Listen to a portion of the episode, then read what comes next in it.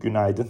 Ee, Cuma gününü ABD piyasaları e, hafif e, artılarla sonlandırdı. Yani S&P 500 yatay denebilecek bir seviyedeydi. Hatta 0.08'lik bir primle işlem gününü bitirdi. Nasdaq biraz daha iyiydi. 0.59'luk bir e, yüzdesel bazda yükseliş yaşadı. Cuma günkü durumu şöyle biraz veri seti yoğun olduğu için şöyle özetlemek lazım perakende satışlar verisine baktığımızda e, yani son 10 ayın en kötü e, rakamıyla karşılaşıyoruz. E, bir daralma söz konusu e, veri setinde baktığımızda yani tüketiciler harcamasını kesmişler. E, Michigan Üniversitesi Güven Endeksine baktığımızda güvende tüketiciler tarafında gene bir e, aşağı doğru gidişat söz konusu. Ee, keza işte 5 yıllık e, enflasyon beklentileri 2011'den e, beri ilk defa %3'ün de üzerinde bir e, seviyede açıklandı. Şimdi bu kompozisyon tabii şunu işaret ediyor. ABD'deki fiyat artışları artık e, tüketicilerin ceplerine e, bir miktar negatif yansımaya başlamış. Yani e, alım yapmama tarafında biraz daha duruyorlar. E, bu da tabii e, Fed için e, oldukça e, kötü bir senaryo. Bir an önce e, bu fiyat baskısını en azından uzun vadeli enflasyon beklentilerini kontrol ederek e, piyasadan kaldırması lazım. E, çünkü e, tüketici yani cuma günkü açıklanan veri de çok net olarak gösterdi ki e, eğer fiyatlar böyle artmaya devam ederse burada e, önümüzdeki zamanlarda ABD tüketimi ve tüketimden dolayı büyüme e, tarafında da e, bir miktar problemlerle karşılaşabiliriz. Bu yüzden Fed'in agresif bir şekilde beklentileri kontrol altına alması lazım. Zaten bu düşüncenin altında da artık Mart ayı olasılıkları %100'ün üzerinde fiyatlanıyor. Yani bu e, biliyorsunuz biz bunu e, konuşmaya başladığımızda %50-60 civarlarındaydı. İşte Ocak ayında %100'e geleceğinden bahsediyorduk. E, bunu da işte ABD'deki istihdam verisindeki enflasyonist baskının e, ortaya çıkması maaş bazlı e, ve tüfe verisinde detayların e, aslında oldukça negatif kalmaya devam edeceği görüşü altında.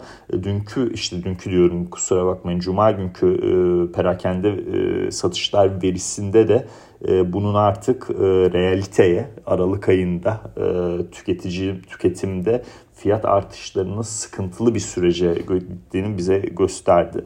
E, bununla beraber e, işte tabii normal olarak da FED daha hızlı faiz artışı yapacak, daha agresif olacak e, noktasında Mart ayı olasılıkları %100'ün üzerinde şu anda. Hemen bir iki yıllıklarla 10 yıllıklara bakalım. Çünkü burada da hareketlilik oldukça önemli. Yani 2 yıllık ilk başta size paylaşmak istiyorum. 2 yıllık 0.96 seviyesinde şu anda. Yani bu sene başından beri oldukça iyi bir şekilde yükselmeye devam ediyor. Ee, bunun daha yolu var. Ee, ondan bahsedeyim. Ee, yani bu işte 1.20-1.40 bandına doğru e, da gidebilir. Yani pandemi öncekisi e, zamanlara e, doğru hareketlenebilir burası. 10 yıllıklar tarafına bakarsak şuradan hemen 10 yıllığı da açalım. Yani 1.78'de 200 haftalık ortalaması var. Burada çok debeleniyor ama burayı da kıracak. Ee, çünkü yani veri setleri enflasyonist baskıyı doğuruyor. Bu enflasyonist baskıyı destekliyor. Bu enflasyonist baskı e, da tabii ki Fed üyelerini daha hızlı hareket ettirmeye yönlendiriyor. Yani günün sonunda muhakkak e, o sıkılaşan para politikasıyla e, finansal koşulların sıkılaşması o arasındaki bağ geçmişte nasıl olduysa bu sefer de olacak e, ve 10 yıllıkları daha e, yüksek noktalarda göreceğiz. Yani bu 200 günlüğünü koruması, 200 haftalık ortalamasını koruması işte 1.78 bundan tabii bir miktar teknolojiye pozitif daha yaradı. En azından çok satış bir miktar e, alışlarla günü e, kapattı. Ama bugün işte Asya seansına bakıyorum vadelilerde yani cuma günkü primlerin çoğu geri verilmiş durumda. S&P tekrardan eksiye geçmiş durumda.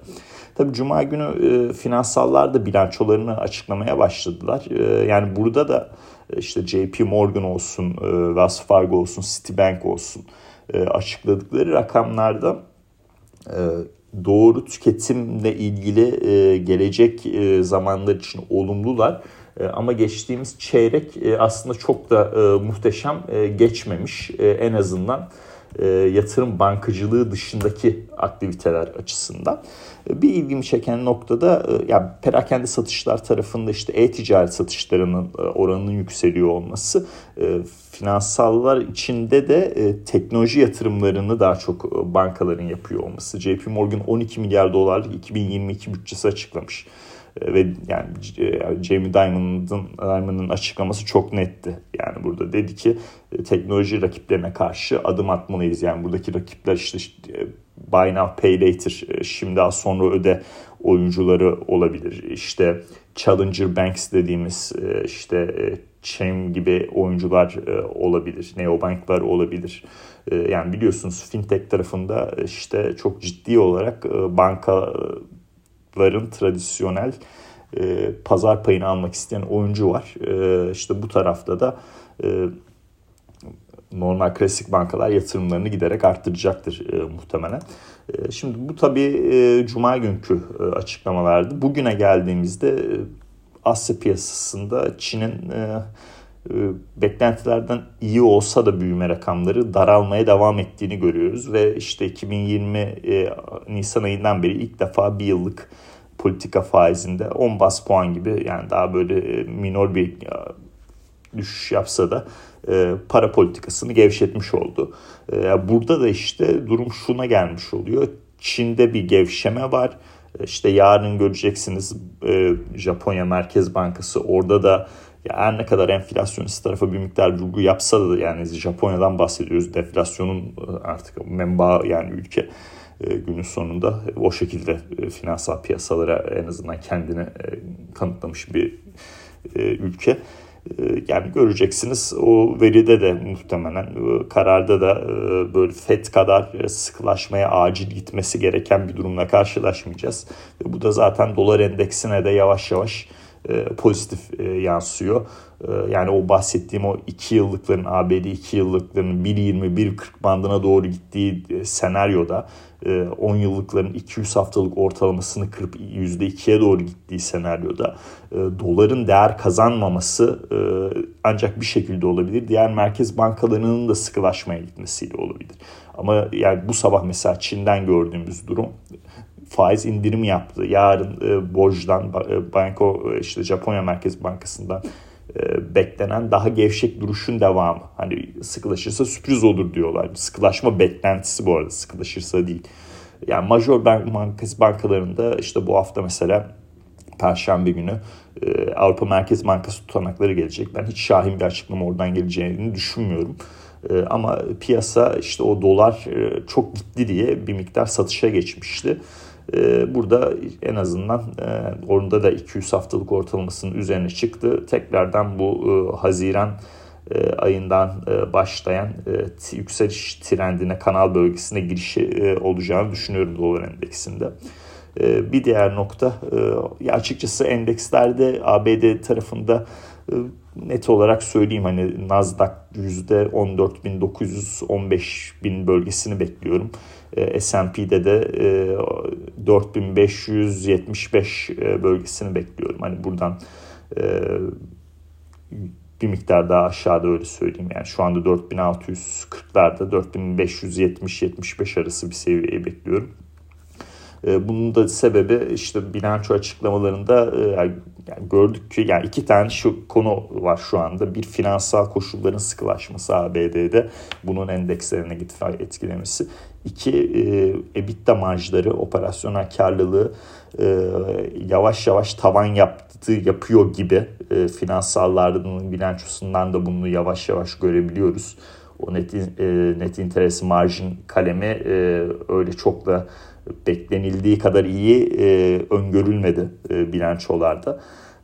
Dolayısıyla bu operasyonel karlılık metriğinde de bir, bir miktar tavan yapılıyor olması satışları tarihsel olarak bakarsanız işte düzeltmeye sokmuş endeksleri bu durum. Bu sabah şeyde Tradeall'da da paylaşacağım o grafiği. İsteyen olursa pay, girip bakabilir. Dolayısıyla burada satışlar bir miktar daha devam edecektir diye düşünüyorum. Hemen bu noktadan girmektense aşağıdan işte buy the dip denemesi yapmak bana daha mantıklı geliyor. Altın ve şey tarafı, dolar tarafı, dolar söyledim. Yani daha olumluyum. O temel görüşümü burada değiştirmiyorum. Altın tarafına gelirsek yani getirilerin yükselmesi reel getirilerin yükselmesiyle açıkçası tekrardan işte 1805'in altına doğru bir hareket yapacağımızı düşünüyorum. Yani ben açıkçası şey yorumlarına kesinlikle katılmıyorum. Altın yükselen enflasyonda çok iyi getiri sunar. Doğru ama yani bu tamamıyla bir faiz enstrümanı düşünülmeden yapılan bir yorum yükselen reel getiri ortamlarında altın genelde hep bak, bakarsanız geçmişe kötü perform etmiştir. E, bu sefer de bunun değiştirebilecek bir neden göremiyorum. E, ama şöyle bir şey var. E, hani Bitcoin ile altın e, ilişkisi e, tabii geçmişe nazaran bu sefer daha çok öne çıkıyor. E, burada e, hani Bitcoin altın e, grafiğini açarsanız o rasyoyu çok güzel bir destek noktasına gel- geldik. E, hani geçen hafta da bahsetmiştim. Bu hafta da biraz üzerinde duracağım. E, hani bur, burada işte Bitcoin al, altın sat e, trade'leri bir miktar e, daha öne çıkabilir e, diye düşünüyorum. E, bu hafta şirketler tarafında ABD'de işte Goldman, ya finansallar devam edecek açıklama yapmaya. Goldman'ın açıklaması var, Morgan'ın açıklaması var, Bank of America'nın açıklaması var. E, Netflix'le beraber de teknoloji tarafını e, görmeye başlayacağız. E, daha böyle Avrupa yoğun bir veri seti var. E, ABD tarafından işte bölgesel imalat verileri geliyor ama daha Avrupa ve İngiltere yoğun e, veri setleri var. Bir de e, Japonya Merkez Bankası'nın e, verisi olacak. Özetle endekslerde negatif görüşü kısa vadede tutmaya devam ediyoruz. Dolarda bu hafta sondan da işte Avrupa Merkez Bankası tutanakları ve boş toplantısı faiz kararı sonrası o ayrışmanın daha çok öne çıkacağını düşünerek daha olumlu görüşümüzü koruyoruz. Altın tarafında temel nedenlerden dolayı negatifiz. 10 ee, yıllık ve 2 yıllıklarda da ABD'de yükselişlerin devam edeceğini e, varsayıyoruz. Ee, bu şekilde özetleyebilirim. Herkese mutlu haftalar, iyi seanslar dilerim.